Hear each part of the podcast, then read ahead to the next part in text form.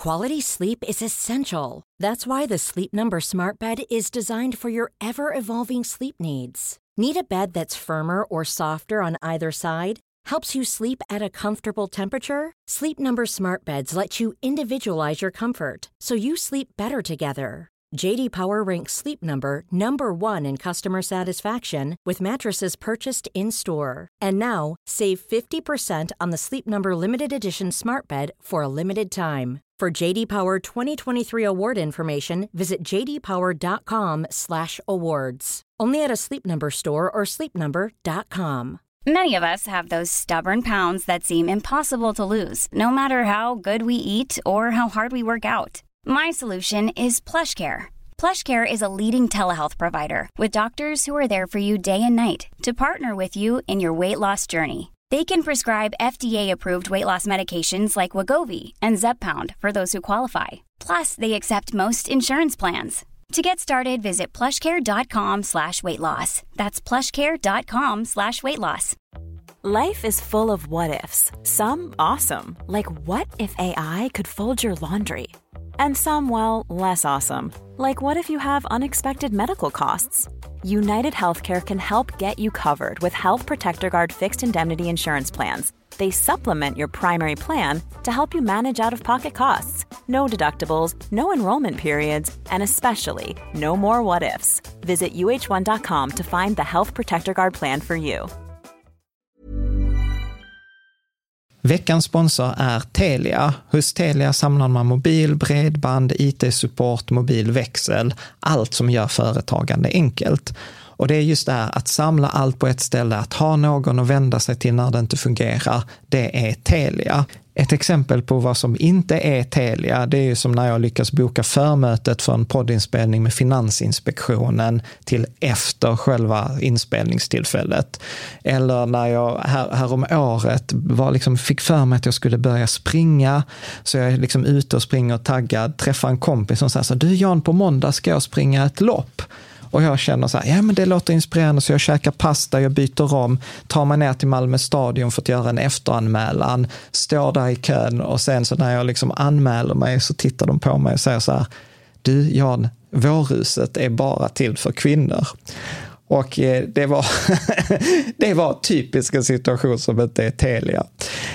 Oavsett, ett stort tack till Telia som sponsrar, gör Rika Tillsammans möjligt, men framför allt tack till dig som lyssnar, följer och eh, hänger med oss varje vecka. Fast om jag hade kunnat välja så hade jag haft kvar det lånet tills jag dör. För 230 kronor, 230 kronor om året. Du lyssnar på Rika Tillsammans-podden som handlar om allt som är roligt med privatekonomi i den här podden får du varje vecka ta del av konkreta tips, råd, verktyg och inspiration för att ta ditt sparande och din privatekonomi till nästa nivå på ett enkelt sätt. Vi som gör den här podden heter Jan och Caroline Bolmesson. Idag är det dags för avsnitt 48 och eh, dagens tema tänkte jag att vi skulle ha frågor och svar. Jajamän. Det var ett, det var ett tag sedan. Som vi ja, det var gjorde. det och jag, jag, känner att jag har saknat det lite. Ja, nej, men precis. Alltså, för Mm. Det är ju många av våra läsare och följare liksom, som ställer frågor på bloggen Mm. där i frågor och svardelen. Så att nu har du plockat ut eh, ett par frågor som Mm. du tyckte stack ut lite. Ja. Och så tänker jag att eh, ja, men vi hoppar rakt in i Vi det. hoppar rakt in i det. Och vi kan ju börja med Bartek Mm. Eh, som ställer en fråga om eh, sin privatekonomi och eh, om han bör ha eh, samma bank till Mm. sitt bolag som till sin, sin privatekonomi helt enkelt. Mm. Ja, men alltså där är, jag skulle väl säga så här att det är väl egentligen få fördelar med att inte ha det i, i samma bank. Eh, för att det blir, allt blir mycket bökigare, inte minst här ska man föra över pengar från sitt företagskonto till sitt privatkonto, så tar det längre tid. Och, och att det ja, men så här, generellt osmidigt. Mm. Sen skulle jag däremot säga att det finns eh, ganska stora fördelar med det. Alltså vi har ju vårt företag och vår privatekonomi i samma bank. Och det har ju ofta gjort att till exempel ibland när vi har träffat rådgivare eller de på banken, så har vi kunnat träffa både privatrådgivaren och företagsrådgivaren samtidigt. Ja. Eh, Och det har ju liksom vissa fördelar, till exempel just särskilt som företagare eh, är det ganska viktigt. För att det kan vara så att man har eh, liksom mer pengar i bolaget än vad man tar ut. Eh, Och då kan liksom företagsrådgivaren berätta för dem på, på privatsidan att Nej, men titta, här finns en möjlighet till en högre lön eller där finns en ekonomisk stabilitet. Ja, eh, precis. Ja. På, på det sättet. Man ser helheten. Ja, man ser sätt. helheten på ett helt annat sätt. Och jag vet ju till exempel, där finns ju vissa banker, som vi är ju kunder på Swedbank, och de har ju till och med vissa rådgivare som bara jobbar med företagskunder. Eh, Och det där är ju ganska... Mm. Tog det ändå ett tag för oss att Ja, det tog flera år för oss att det. lista ut tills vi fick en bra, bra, bank, eh, bra bankkontakt i Göran. Mm. Precis. Sen skulle jag säga att det finns ju kanske vissa fördelar ibland att ha ett annat, eh, en annan bank. en annan bank till sitt bolag. Ja, och Mm. det kan ju vara om man får liksom väldigt bra villkor på till exempel eller krediter eller förvärvskrediter eller checkkredit eller eh, liksom valutaväxling. Till exempel Avanza är mycket bättre på valutaväxling än vad Swedbank är. Men jag har liksom ofta inte upplevt det böket. Så jag skulle säga som, som eh, tumregel, ja, ha det i samma. Liksom. Det, Mm. för det att undvika onödigt strul då Ja, kanske. precis. Men sen behöver man ju inte vara trogen till sin bank. Alltså, till exempel vårt pensionssparande har vi ju inte på Swedbank, för de är ju Nej. ganska kassa på, på det. Nej, men du Så- tänker fondutbudet? Ja, också. fondutbudet Mm. och sen tar de avgift eh, för kapitalet och sånt. Och det, nej, jag tycker inte det är okej. Nej. liksom. Nej, så kommer vi in på det. Ja, precis. Bra. Ja, Ska vi ta nästa? okej. jag hoppas Bartek har fått svar på sin fråga. Vi tar nästa fråga. Mm. Och det är ju en jätteintressant fråga. Det, är liksom, det har kommit in flera stycken frågor där Mm. människor ställer ungefär samma fråga. Så hur, ska jag plan- hur ska jag placera väldigt mycket pengar? Mm. Eh, vi har då en från Annika, hon har nästan två miljoner som hon vill placera på lång sikt. Och vi Mm. har någon anonym som hade fått 15 miljoner i arv. Och sen hade vi Coco som hade fått 10 miljoner att investera. Om, Om man fick 10 om man miljoner, fick 10 miljoner att investera, hur bör jag bäst investera dem? Alltså, Vad det, tänker du? ja, Det är liksom, ja, det känns som en sån lyxfråga nästan. ja, men det där, precis. men- det är det ju inte. Alltså, Det det, är är ju det säkert för- förknippat med väldigt mycket ångest om man inte vet riktigt om man har mycket pengar. Ja, alltså jag, jag, jag- skulle ju liksom, vi, vi, vi pratade med Moa om det här, jag tror i ett av de tidigare avsnitten, så här, pengar är inte allt, utan pengar är bara en förstärkare. Och Moa är ju din Mm, coach för ja. de som inte Ja, precis. sett. Och, och, så att det där, alltså att jag brukar säga att alla har problem eller utmaningar med sina pengar. Har man inga pengar så är, så är det ett problem. Har man mycket pengar så är det faktiskt också ett problem. Ja. Och då kan man ju ha åsikt om att det problemet är eh, Det är mindre. att det är mindre eller att Mindre det är liksom, men, men relativt sett så är min upplevelse att för de personerna är det minst ett lika stort problem. För Ja. det kommer precis, det kommer skuld med det, man kommer dåligt samvete, man borde ta bättre hand om Ansvarskänsla, man ska Eh, inte slarva bort dem. Nej men precis, Eh, och man är rädd för att förlora dem. Så att det kan många gånger bli liksom till och med värre. Ja. Men om vi ska titta på det, alltså jag började faktiskt skriva på ett, eh, på ett eh, avsnitt för just de här frågorna. Och det handlar egentligen om att man behöver skapa sig en investeringsstrategi, alltså ha en plan för sina pengar. Eh, och, och, och att göra det liksom så här processorienterat, det vill säga att, så att man har en tydlig karta hur, hur man ska göra. Och det där handlar ju allt från, liksom, de flesta av oss som jobbar i företag och där jobbar man ju med rutiner och processer. Precis på samma sätt behöver man ju en process för att hantera sina pengar. Och vi har ju varit och nystat i detta, bland annat förra veckans avsnitt med hinkarna. Ja. Vi har pratat om den passiva och aktivt sparande etc. Så att egentligen så bara insåg jag att detta behöver ju sammanfattas i ett avsnitt om investeringsstrategi.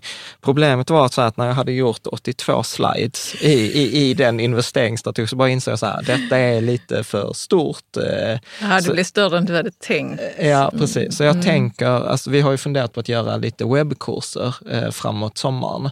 Så då tänker jag att det där kommer få bli en webbkurs istället, som att man gör den här, för det är ett ganska sju tydliga steg i när man skapar en sån här eh, process. jag bara fråga, kommer det att vara en investeringsstrategi som passar de flesta? Ja, Eller? ja det, det tror jag.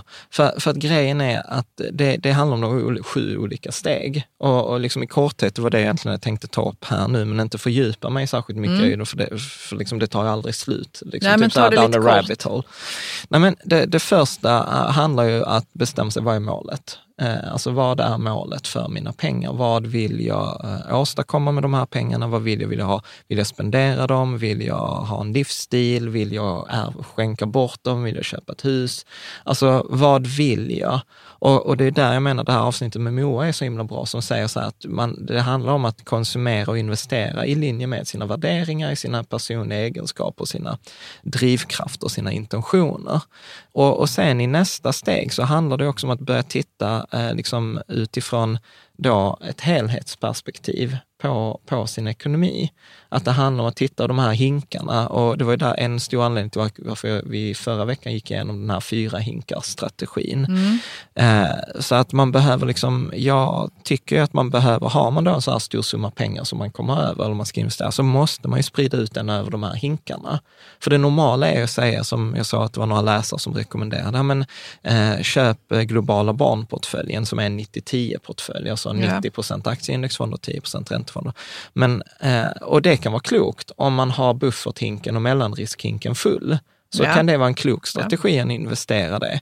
Men har man inte tillräckligt mycket pengar i de två första hinkarna eh, så är det dumt att lägga allt i, i globala barnportföljen. Och det är det här jag menar, så att man behöver liksom ha ett helikopterperspektiv eh, på hela sitt, eh, sitt sparande.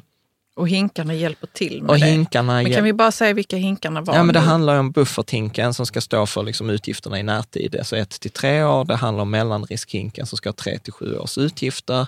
Sen var det den passiva hinken som handlar om att just det här passiva sparandet i indexfonder. Och sen den sista hinken var den här aktiva hinken som man kunde ha för att ha roligt. Eller ja, lekhinken. Lekhinken eller Man kan köpa aktier som man ja, gillar. Och så. Ja, eller alternativa investeringar ja. kan också ja, vara, precis, eh, vara ett alternativ eh, där. Så att jag, jag, skulle verkligen så här titta på eh, utifrån, eh, liksom, vad, vad är målet? Titta helheten hur, ur alla fyra hinkar-perspektivet. Och sen skulle jag också, när, när, när man har de här olika hinkarna, för att det som är smart med dem är också att de bygger på utgifter. Och det kan vara så här att man behöver inte placera de här x miljonerna till en eh, väldigt hög avkastning. Eh, och för att det där har jag också märkt på sistone att många av oss i brist på att vi inte har något mål, det är lite som Alice i Underlandet. Om du inte vet vart du ska så spelar det ingen roll vilken väg du tar. Och så är det ju lite med investeringar, men då hittar ju vi på att ju högre avkastning, desto bättre. Ja, men det blir ju lätt att man vill vinstmaximera. Ja. Alltså att bara, att det ska vara så mycket som möjligt jobba ihop mer pengar. Exakt. Eh, så och då det, är det det bästa målet. Men det kanske bara ger ångest. Liksom. Ja, eller det kanske man inte tar, lyckas alltid. Ja, eller man tar framförallt en alldeles för hög risk. Och sen så kanske mm. kommer den där börskraschen eh, som liksom eh, vi är lite overdue. Men liksom ingen kan säga om den kommer nu, om den kommer nästa år, snart, eller ja. tre år eller fem år. Men den kommer komma. Alltså det är inte mm. en fråga om om, det är en fråga om när. Och att då som till exempel Global barnportfölj, det skrev vi ju i den här artikeln som vi hade för två veckor sedan, den här 90-10, ja. eh, liksom är det smart. Så här, en sån här, även en eh, 90-10-portfölj som är global, alltså den kan ha en nedgång på 50 procent utan problem. Och det där tror jag att eh, liksom, de flesta, liksom, jag brukar säga att de flesta 40-åringar har inte upplevt eh, IT-bubblan, de flesta 30-åringar har inte upplevt finanskrisen, när portföljerna gick ner med 48, 50, 60 procent. Nej, vad är det du försöker säga nu då? Nej, men jag att, att när man också tittar på hela sin ekonomi, att man behöver ta rätt risknivå. Och ja, det kan vara så här... Och inte tro att man står ut med större risk. Ja, och, Vi har pratat om detta innan ju. Exakt. Mm. Eh, och, och, och, här kan man till exempel, alltså, buff, liksom den här hinkstrategin, är ju liksom ett exempel man kan tänka. En annat exempel är den här 4 regeln som, som jag har nämnt vid några tillfällen, som är den här så kallade Trinity-studien, där man liksom gjorde en undersökning där man visade på att, okej, okay, om du plockar ut 4% av portföljen, som vi har 10 miljoner, okej, okay, det är 400 000. Mm. Och sen så kan du plocka ut då nästa år samma summa korrigerad för inflationen bara, så att det blir lite, lite högre belopp. Liksom. Yeah. kanske då 408 000 istället för 4, 400 000 med 2 procents inflationshöjning. Mm. Och, och, då ska ju en 10, 10 eh, miljoners portfölj egentligen räcka i väldigt många år. Eh, och då behöver... För den ska samtidigt också vara satt så, så att den ger en Ja, den ska ge avkastning. den här avkastningen på 400 000 per år. Ja. Och, och då, då har man liksom visat att i, i de flesta fall så kommer en sådan portfölj räcka för de här 4 procent, eh, för det här uttaget för, för, varje, eh, för varje år.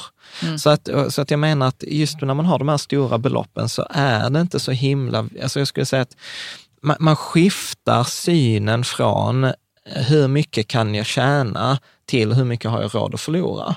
Så att jag påstår att ju, ju, ju mer pengar, desto, desto mer intresserad borde man bli av de här drawdowns, alltså hur, eh, hur, eh, hur mycket risk är jag villig att ta an, hur mycket är en acceptabel eh, förlust. Eh, och där gjorde jag också en ganska intressant övning som kommer i webbkursen, att, att få en liten reality check. Att Ja. är jag, är jag, har jag rimliga förväntningar i förhållande till risken? För de flesta av oss tänker vi, ja, vi vill ha så hög avkastning som möjligt. Så att, så, så att om jag skulle liksom börja liksom lite sammanfatta det så skulle jag säga, ja men absolut, fundera på målet. Vad, vad vill jag med de här pengarna? Ett bra tips brukar ofta vara så att om man får det som man kallar för sudden wealth, eh, alltså man får mycket pengar på en gång. Ett bra tips är att inte göra någonting med pengarna överhuvudtaget de första två åren, utan Nej. att bara låta dem ligga det är helt okej att ta den mer alternativkostnaden så att man inte gör dumma saker med det. Det andra skulle jag också säga, ta hjälp och bolla. Inte att du nödvändigtvis behöver anlita en finansiell rådgivare, men jag tycker definitivt man borde bolla med en sådan. Ehm, Både kan man bolla med sådana oberoende, som vi gjorde i den intervjun med Henrik Tell i, jag tror avsnitt 36. Eh, man kan bolla med dem på private banking på sin bank. Man kan eh, testa mm, liksom någon annat företag. Så att man får, liksom får lite olika, olika för- olika förslag. Mm. Och, sen, och sen så tror jag det andra tricket är att se på hela sin ekonomi. Alltså en sån här no-brainer kanske om man är, eh, eh, vill eh, minska risken, betala av på huset. Det kommer vara så här, det är ingen fantastisk investering, men det skapar väldigt mycket känslomässig trygghet. Eh, fundera återigen sen på målen, alltså vill vi ha ett hus i Frankrike, vill vi eh, öka vår pension, vill vi gå i pension tidigare? Att man får räkna lite Eh, på det där. Ja. Och, och sen därefter så skulle jag säga så här, fördela det på de här fyra hinkarna, alltså verkligen bufferthinken, mellanriskhinken, den passiva hinken. Gå sen på den aktiva hinken till sist. Eh, och sen så skulle jag säga, låt pengarna vara i fred, eh, verkligen som vi alltid säger, se det på lång sikt. Ehm, Ja. Ja, så att det känns väl som lite så repetition, men jag hoppas få återkomma. Eller, Jo, men vi kommer återkomma till det där med strategi. Ja, och hur man verkligen kan bygga upp, eh, bygga upp eh, sin, sin eh, portfölj. Så att jag, jag tror att det handlar, svaret är inte ta globala barnportföljen, utan det är en blandning. Alltså en del på sparkonto, en del i nybörjarportföljen, en del i globala barnportföljen och sen kanske en, en mindre del som man har aktivt. Men där rekommenderar jag verkligen så att lyssna eller titta, följa det här avsnittet med fyra hinkar. Avsnitt 47 tror jag att det är. Ja. Ja, nej, det är väl eh, det, eh, det som, som, jag, som jag skulle säga. Ja, Mm. Ska vi ta nästa? vi tar nästa fråga. Och det, den kommer från Alfred och han undrar om han ska betala av sitt eh, studielån Ja. snabbt eller långsamt. Men Vad du skulle- skulle rekommendera där. Så ska Ja. man bara bli av med det på en gång och inte hålla på och sen ha Alltså det i vissa 20 år, gör ju liksom. det för att det ger dem en känslomässig, eh, känslomässig, eh, en känslomässig vinst. Ja. Men tittar man rent finansiellt på det så är det, så ska jag säga, så långsamt, så långsamt, så långsamt som möjligt. Alltså för för vad kan det ligga på ett studielån man har? Alltså ja, men jag tror 200 att 000, 200 000. 300 000? Ja, och eh, du kollade ju upp, eh, vad var räntan på studielånen Alltså 0,- 2018? 0,13 tror jag det var. Ja, 0,13 procent. Det betyder 130 kronor per 100 000. Så att räntan på ett 200 000 kronors lån är 260 kronor. Alltså du får inte låna 200 000 billigare någon annanstans. Det är alltså Nej. 260 kronor. Ehm, och då menar jag så här att om man har 260 200 000 och då ska välja mellan att, att betala av på CSN-lånet, då är det som att man får en avkastning på 260 kronor per år. Eller så investerar du 200 000, det är alltså till och med ett sparkonto med noll och fast ränta på 0,85 är ju mer lönsamt. Sen kan man ju se det på lång sikt och då kommer avkastningen vara mycket större. Så att CSN-lånet kan man ju verkligen säga, det är ju det som man brukar, eh, alltså som man, som man kan använda för att skära emellan ungefär så som bankerna gör. Så att, ja, vi, vi har ju inte valt, att- vi har ju valt att inte amortera mer än nödvändigt. På Nej, vi gör det enligt deras plan. Ja. Ja. Precis. Så det skulle jag säga, det är det kortsvart. Men återigen, det är inget som är svart eller vitt. Är det så att det ger en känslomässig vinst, att det känns bättre eh, och du sover dåligt om natten, då är det bättre att, eh, att amortera. Men rent finansiellt, om man vill liksom tjäna så mycket pengar Jag tänker som det är ändå möjligt. rätt mycket pengar man, eh, man ska amortera bort. Liksom. Ja, ja, men det är ju en amortering. Alltså det, det är ju inte en utgift. Alltså det gör ju inte dig fattigare. Liksom, så att, Eller, ja, vad tänker du? jag, jag tycker ju att... Nej men alltså det är ju det är ett lån, det är inte som att det är ett lån på mitt hus. Nej. Utan det är ett lån som, eh, som kommer ju minska såklart när jag amorterar på det. Men ja, det blir ju noll inte. och sen så har jag ju liksom inte lånet kvar, vilket är skönt. Men det är inte om jag att hade jag... kunnat välja så hade jag haft kvar det lånet tills jag dör.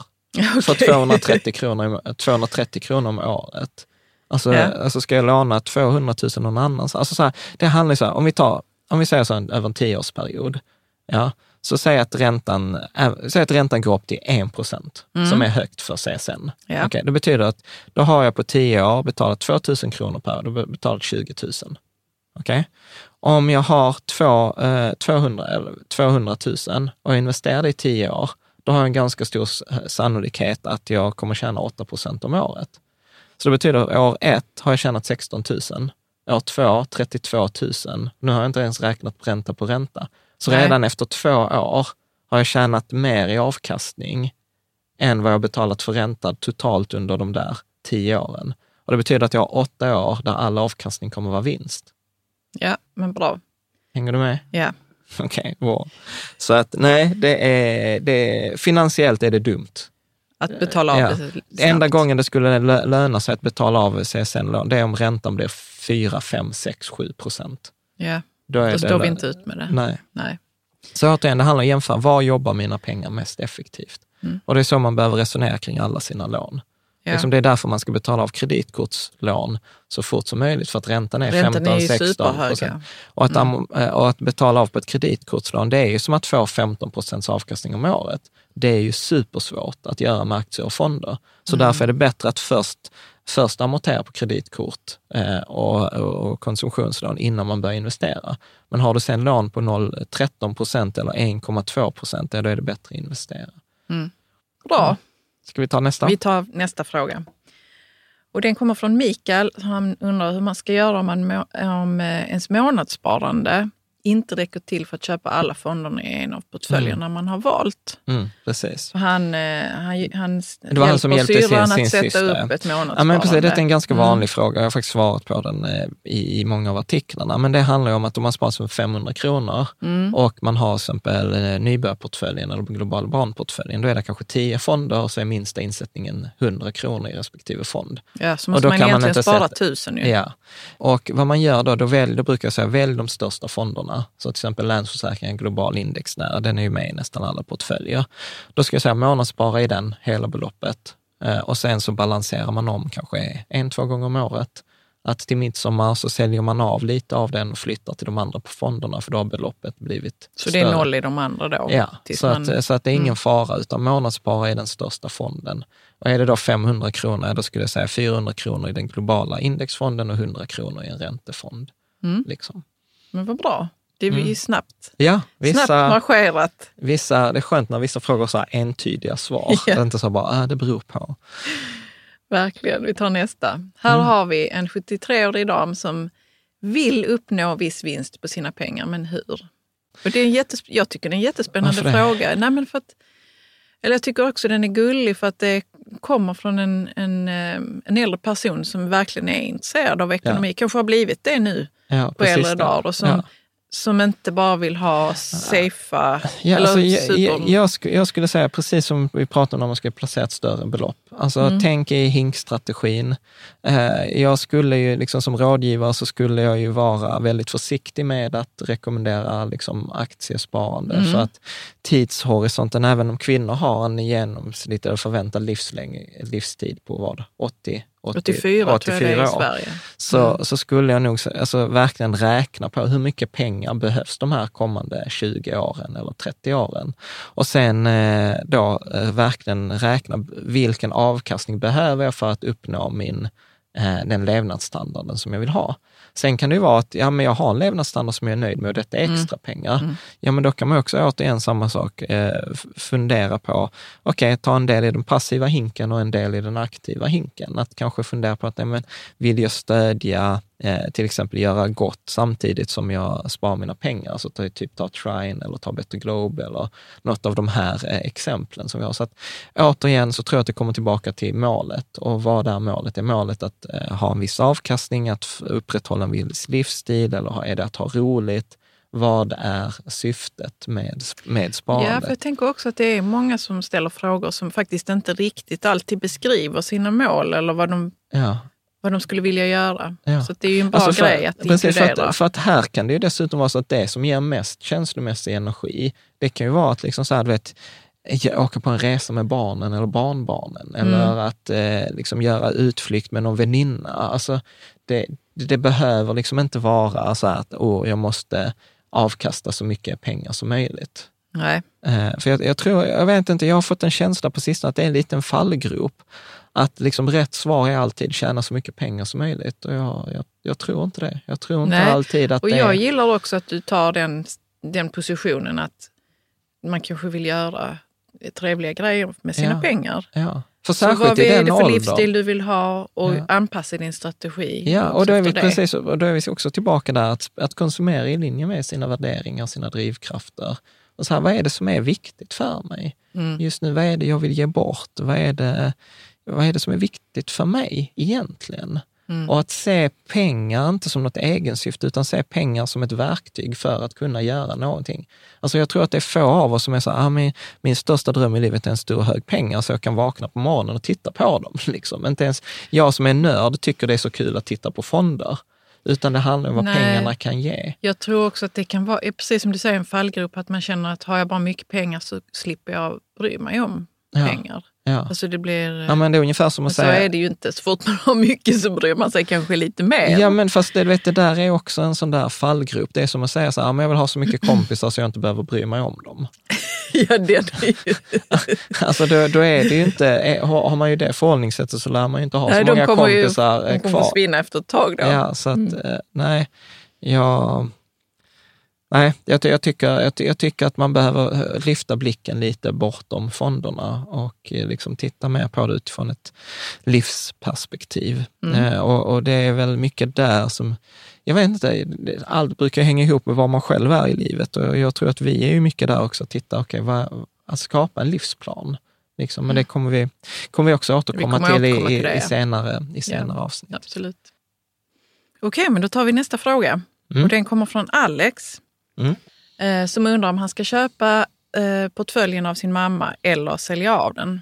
Mm. Han tycker ju att den är så bra att den, den eh, tickar på. Liksom. Så varför ska man då Sen- inte bara låta den gå? Ja, precis. Vilket är bäst? Nej, men om jag förstod frågan rätt när jag läste den så var det ju att han hade satt upp ett sparande till sin mamma på tio år och sen skulle ju det börja avvecklas. Ja. Eh, och så svarade att han skulle ta över den. Alltså jag ska säga, visst så kan man göra, men alltså, Eh, alltså det blir ju oftast inga merkostnader. Alltså de flesta fonder har ju ingen köp och säljavgift. Sparar man eh, i, alltså det hade kunnat vara en poäng om det var en aktiedepå där man hade 30 procent skatt på vinsten. Men sparar man i ett ISK-konto så skulle jag säga att det är väldigt lite. Det är, mar- det är en marginell skatteeffekt eh, på det där. Men jag skulle nog rekommendera att inte klydda till det som vi säger här i Skåne, utan att, att låt henne liksom, eh, sälja av det där och avveckla. För det är också viktigt, att har man tio år idag så bör man ju nästa år, liksom, då har ju tidshorisonten minskat till nio år. Om Mm. fem år har tidshorisonten minskat till fem år. Och då behöver man ju sänka graden räntor eh, i, eller är förlåt, sänka graden aktier så att det blir liksom, går från kanske 90-10 till 80-20, till 70-30, 60-40, 50-50 för det varje är år. det man kan glömma kanske då. Ja, Mm. så att jag skulle snarare rekommendera så att det är bättre att isolera det, för den, den, den vinsten som man kan göra då på att ta över eller betala av, alltså det blir så komplext. Jag skulle säga att, att skatte, det man tjänar på skatten där är marginellt och så blir det klydd med ägande, vem, vem det står på och sådant. Så att nej, jag skulle nog inte göra det själv Nej, faktiskt, okej. eh, tänker jag. Men det kan vara någon annan effekt som jag har missat, så att jag hoppas att i så fall det är någon lyssnare eller eh, tittare som kommenterar på det. Mm. All right. Eh, Men då tuffar vi på med nästa fråga Mm. av Hampan Ja. Som undrar om man, eh, det är okej att ha samma fonder i flera portföljer. Ja, alltså, och det har jag faktiskt sett att jag själv har, så jag tänkte så här, detta måste vi diskutera Nej. lite. ja, men jag tycker det är jättebra. Det är väl inget konstigt. Alltså för mig, för mig är ju så här, Så då har jag liksom samma ägg i Ja, olika korgar. Ja, fast, Eller förstår fast, du vad jag menar? Ja, precis. Fast det där gör inte så mycket. Eh, beroende på vilka ägg det är. Vissa ägg funkar i flera korgar, med, medan vissa ägg bör man liksom inte ha i någon korg. Eh, nej, men, men så här tänker jag, Mm. att 80 procent av avkastningen ges av, eh, eh, vad heter det, ges av vilka tillgångslag man väljer, då, till exempel aktier eller räntefonder. Det, det är de två primära inkomstslagen som, som vi pratar om. Sen finns det ju andra råvaror, guld, eh, fastigheter, skog, eh, eh, alternativa investeringar, onoterade bolag och massa andra. Men om vi bara håller oss till aktieindexfonder, då aktier och räntor, så, så är det viktigaste att, att, att titta på, det är ju då fördelningen mellan dessa. Och det är egentligen den enda skillnaden mellan liksom lågriskportföljen, nybörjarportföljen och globala barnportföljen är ju bara fördelningen att eh, lågriskportföljen har 30 procent aktier, 70 procent räntor. Nybörjarportföljen har 60 procent aktier, 40 procent räntor och barnportföljen har 90 procent aktier och 10 procent ränta. Så att det är egentligen det, är det som är den skillnaden och det kommer påverka avkastningen mest. Absolut, alltså 80 procent av avkastningen kommer ges vilken av de här portföljerna du, du väljer. Ja. Sen när man då väl valt till exempel, okej, men jag ska ha 60 procent aktier, ja då får man ju titta på nästa nivå, på, på legobitarna. Alltså vilka legobitar är det som passar här? Och då får man ju titta på sin investeringsstrategi. Jag som förespråkar då en passiv investeringsstrategi, då finns det ju vissa legobitar som är bra. Och eh, då vill, vad man vill då är ju att sätta ihop den här, liksom, en liknande figur. Eh, Och då gör det ju ingenting att man till exempel har det som, till exempel om, jag vet ju att du har det till exempel i din pension och i ditt privata sparande Precis, ja. och sen på Lysa. Så Ja. det gör ju faktiskt ingenting att det är samma, för det är olika syften. Och du har en högre risk i ditt pensionssparande än i ditt eh, då, till exempel kortsiktiga sparande. Så att det gör ingenting att det är samma fonder. Det blir liksom inte bättre för att du väljer andra globalfonder. Du vinner ingenting på Nej. det. Den, Nej, en- bra att veta. Ja, den Mm. enda gången detta kan spela roll, det är om man är nere på enskilda aktier. Eh, att då vill man kanske inte ha exakt samma aktier, men, för då har man helt andra risker. Men jag brukar ju avråda från att invest, direkt investera i aktier om man inte gör det i den här aktiva hinken som vi pratar om i den här fyra hinkar-strategin. Så att nej, eh, om man har eh, samma länsförsäkringarfond i sin, i sin pension som i sin kortsiktiga portfölj, som i barnportföljen, som i nybörjarportföljen, det är helt okej. Ja. Det är helt okej. Ja, men perfekt. Mm. behöver jag inte oroa mig. Hampan behöver inte heller fundera Nej. vidare över detta. Nej, precis. Mm. Okej, vi kör på. Mm. Och då har vi Erik som undrar hur han skyddar sina pengar från kronans fall. Kan du inte bara liksom gå in lite på det här med kronans fall Ja, men som har var- skett men den senaste tiden? Eller Ja, men detta var en ganska intressant eh, fråga. Som, det är flera stycken som varit och svarat på, på denna frågan, bland annat mm. Nestor också, som jag brukar uppskatta hans svar. Men frågan var, här var en person som hade en del pengar, det var någon miljon, och som inte ville investera dem för han var rädd för att förlora de pengarna. Ja. Eh, och så var han så här, hur kan jag investera de här pengarna säkert? Eh, och, eh, och liksom, hur kan jag då, när att kronan har ju då fallit till exempel mot euron, att den var ju Ja. på 9 kronor för kanske två år sedan eh, och nu är den över 10. Eh, över. Eh, och då, då kan man resonera, precis så som Nestor resonerade i ett, ett av sina svar, att det spelar faktiskt ingen roll. Bor man i Sverige, har sin lön på, i, på, i svenska kronor, man investerar, alltså man kör, konsumerar i Sverige, då är inte, spelar det ingen roll hur den svenska kronan jämför sig mot andra valutor. Det som däremot är skitviktigt är att titta hur jämför sig kronan med inflationen. Alltså, Okej. det vill säga hur mycket värde förlorar jag per år? Att till exempel, så du har ju så Venezuela som har flera hundra procents inflation, där liksom pengarna bara försvinner. De har, de har inget värde. Medan Nej. i Sverige har vi en inflation på kanske 2 procent. Så det betyder ju att, att har du en miljon kronor och vi har 2 inflation så betyder det att du förlorar i värde 20 000 kronor. Inte som att eh, pengarna Per minskar, år. ja per år. Inte att pengarna minskar, att du i januari har en miljon och i december har 980 000. Men det betyder att i december är pengarna, den där miljonen är ju bara värd 980 000. Det är ju det där vi pratade med inflation i ett tidigare avsnitt, som på min mammas hus. Ja. Alltså så, som jag brukar använda som exempel, säg att det 1988 kostade en miljon och att det idag hade varit värt 1,8, alltså bara som teoretiskt exempel. Då hade de flesta tyckt så här, ja, men hon har ju tjänat 1,8 mil- eller 800 000 från en miljon till 1,8. Men det har hon inte för att kronan har förlorat så mycket i värde. Så en miljon 1988 är samma sak som 1,8 miljoner eh, idag. Ja. Och hade, hade hon bara haft en miljon stående på ett konto, då hade ju den mer eller mindre förlorat hela sitt värde. Det har ju bara varit värt 200 000. Give or take, alltså det, nu var jag slarvig med matten, men eh, liksom, den hade liksom förlorat värde. Så att, att, att, utifrån att skydda sina pengar så Ja. påstår jag att just det där eh, inflationen är mycket viktigare än kronkursen. Eh, faktiskt. Okej. Eh, sedan så kan jag ju ha en åsikt då att, eh, liksom, när jag läste mellan raderna, att, att det handlar ju om att eh, normalt sett så är min tes att väldigt många människor har alldeles för hög risk i sina portföljer, att de borde sänka risken. Men sen så finns ju andra sidan också att ha för låg risk är inte heller bra. Nej. Alltså för att då förlorar du pengar på inflationen. Så att man behöver hitta den här sweet spoten eh, någonstans mitt, mitt emellan. Och att försöka tajma marknaden som att säga, nej men jag vill inte investera min miljon nu för att börs, börsen kan komma när som eh, kraschen kan komma när som helst. Alltså det är helt omöjligt förutse och då har vi så att du förlorar mer pengar på att stå utanför över lång tid än vad du förlorar i börskraschen, för att där brukar det återhämta sig. Så att eh, det var roligt för att Erik skrev själv då, nu kommer jag få råd så här, sprid ut pengarna över tre år eller för fem år liksom i, in i då en sån här portfölj. Och jag säger så här, ja, det är det som är det bästa rådet. Eh, faktiskt. Eh, är, man, är man sen alldeles för orolig för valutor, ja då kan man börja hedga dem eller ha en del av sitt sparande i andra valutor. Du, vad är det nu? Ett hedge? Nej, men att säkra sig mot, alltså det, så här, det enklaste är så här, är du orolig att svenska kronan ska falla, ja men köp andra valutor då.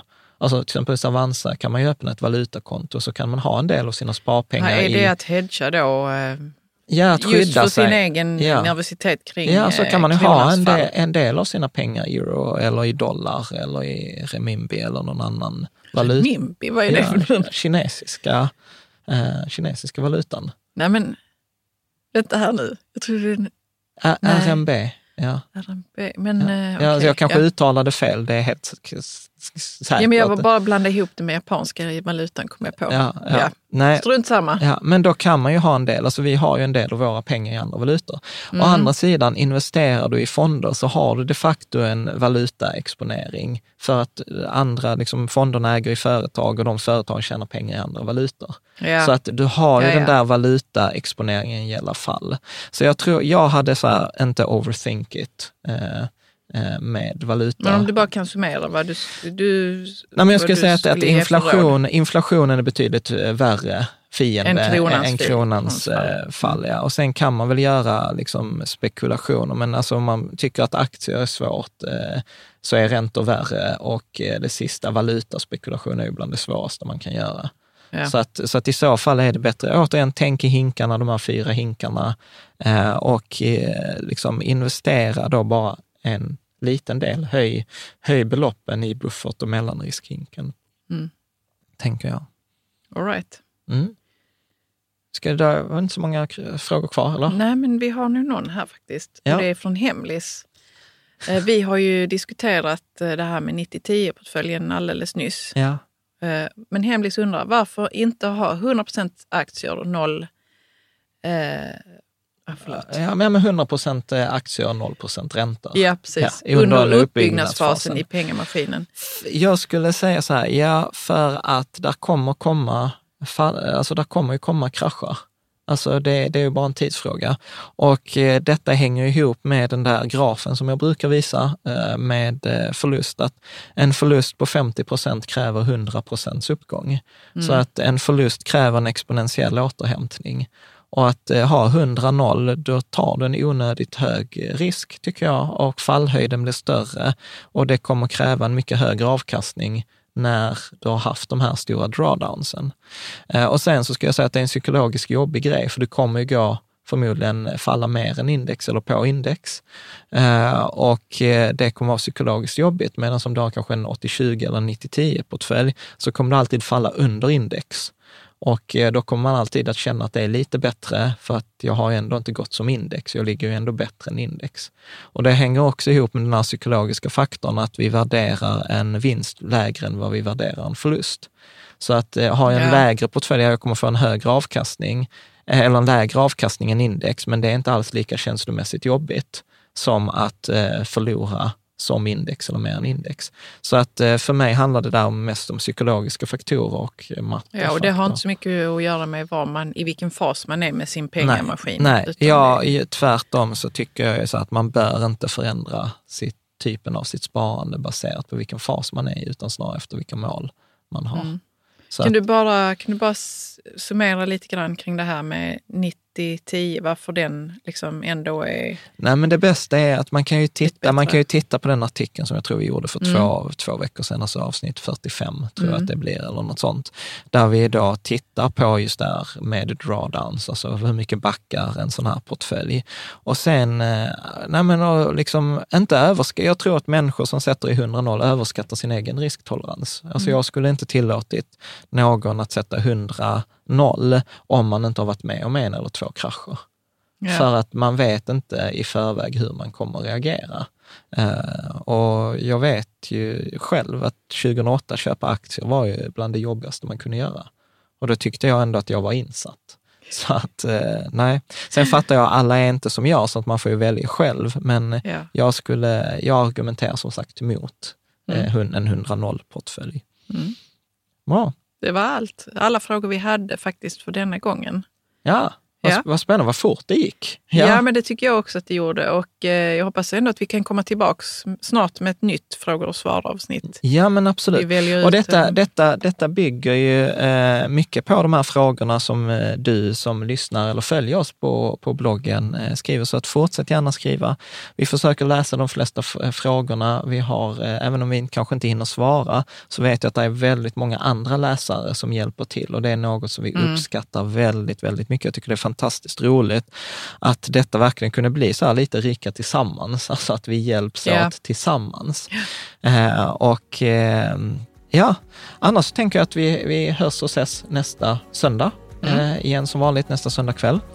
Eh, och eh, vi hoppas också att kunna få jobba vidare. Vi har lite, lite överraskningar, lite hemligheter som vi jobbar på nu, som vi hoppas kunna också lansera fram till, fram till sommaren. Yep. Så tack mm. för idag. Tack.